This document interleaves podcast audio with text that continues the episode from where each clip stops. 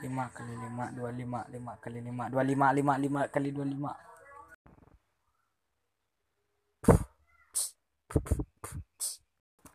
Halo teman-teman, kami dari kelompok TWM akan melaksanakan tugas dari Buriani, tugas bahasa Indonesia, menceritakan cerpen keadilan, sebuah karya dari Putu Wijaya. Ada suatu masa, ada saat banyak pedagang es pudeng dari Jawa berkeliaran di Bali. Mereka memakai kostum yang menarik dengan topi-topi kerucut. Gendongan es puter mereka desainnya cantik gelas-gelas kaca atau plastik ala koktail bergantungan dengan pudeng berwarna-warni. Kalau mereka lewat, anak-anak selalu memburunya. Kadang-kadang tidak untuk membeli, tetapi untuk mengerumuninya. Pak Ahmad termasuk salah satu di antara anak-anak itu. Tanpa merasa malu, ia ikut berebutan untuk membeli es pudeng puter dan merasakan suasana cerianya. Bu Ahmad sampai malu melihat kelakuan suaminya seperti itu. Pada suatu hari yang terik, sementara anak-anak di alun-alun menaikkan layangannya, tukang es pudeng itu lewat. Pak, Ses Pak Sersan yang rumahnya di sudut alun-alun berteriak memanggil. Anaknya merengek-rengek minta es pudeng. Waktu tukang es pudeng itu menuju ke sana, hampir semua anak-anak yang sedang main layangan menolehkan kepalanya. Yang punya duit langsung lari sambil menggulungkan tali layangannya. Tak terkecuali Pak Ahmad. Waktu itu ia sedang memperhatikan seorang juragan ayam yang sedang memandikan ayam-ayamnya. Ahmad meraba kantongnya, lalu merasakan ada uang di dalamnya. Ia langsung ikut berlari ke rumah Pak Sersan.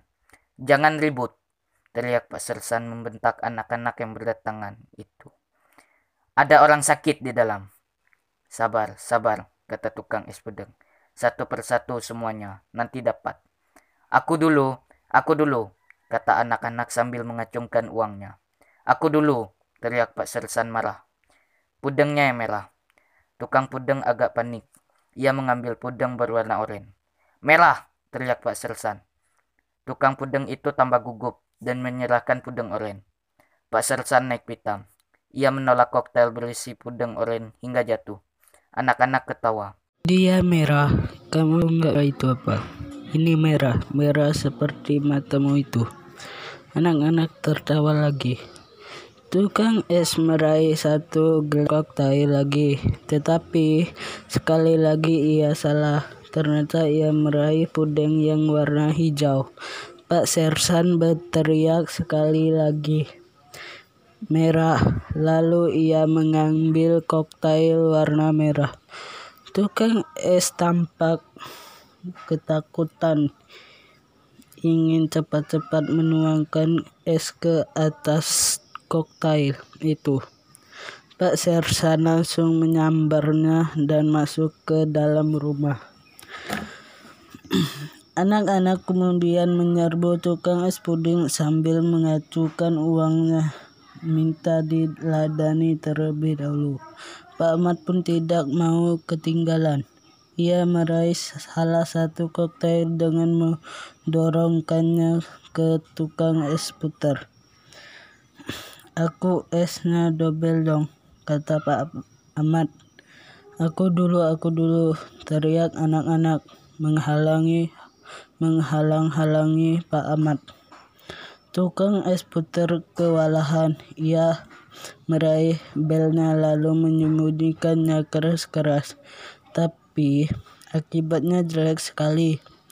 Pintu rumah terkuak lebar. Pak Ahmad Pak Sersan muncul sambil mengacukan pistolnya. Diam kalian, aku sudah bilang ada orang sakit di dalam. Bukan saya, Pak. Anak ini kata tukang es pudeng. Tapi kamu gara-garanya teriak Pak Sersan tidak mau dibantah. Bukan saya Pak. Tiba-tiba Pak Sersan meletuskan pistolnya. Semua mendadak terdiam anak-anak ketakutan. Tukang es pudeng pucat pasti Pak Ahmad mencoba menetralisasi keadaan sebelum menjadi runyam. Lalu ia memberikan memberanikan diri berbicara. Pak Sersan maaf, itu salah saya. Anak-anak itu protes karena saya minta didahulukan. Saya minta maaf, saya yang salah. Pak Sersan menggeleng dan menodongkan senjatanya ke tukang es itu. Tidak dia ini, dia ini yang salah. Kalau dia tidak bawa es puding keluar. Masuk kampung kita. Anak-anak tidak akan punya kebiasaan beli es sampai sakit-sakit seperti anakku yang walaupun sudah sakit masih teriak-teriak minta es kalau terdengar kelendengannya lewat. Dan dia tahu sekali itu. Minggat!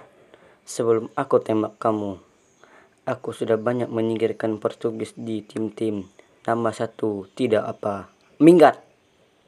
Pak Sersan lalu menutup pintu dan menguncinya tanpa membayar es yang dibelinya. Tukang es itu pucat pasi, mukanya tidak berdarah.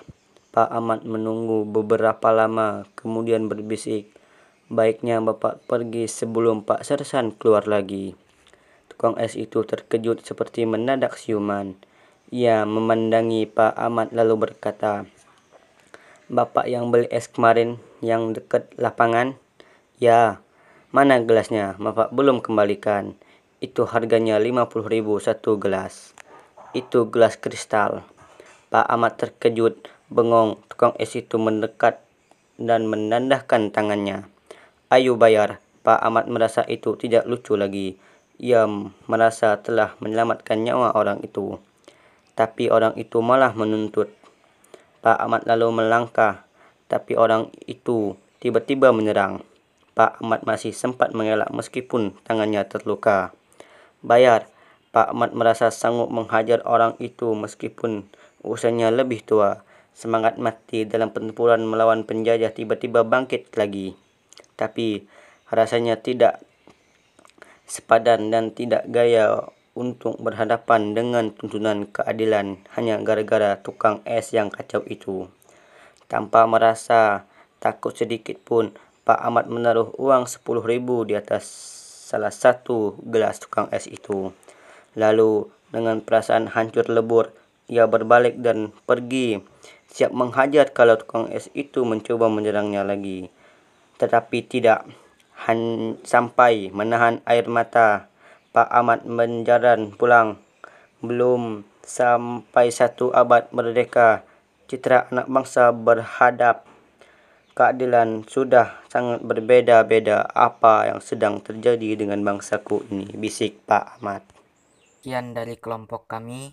Maaf apabila ada kesalahan dalam pembacaan cerpen ini. Terima kasih.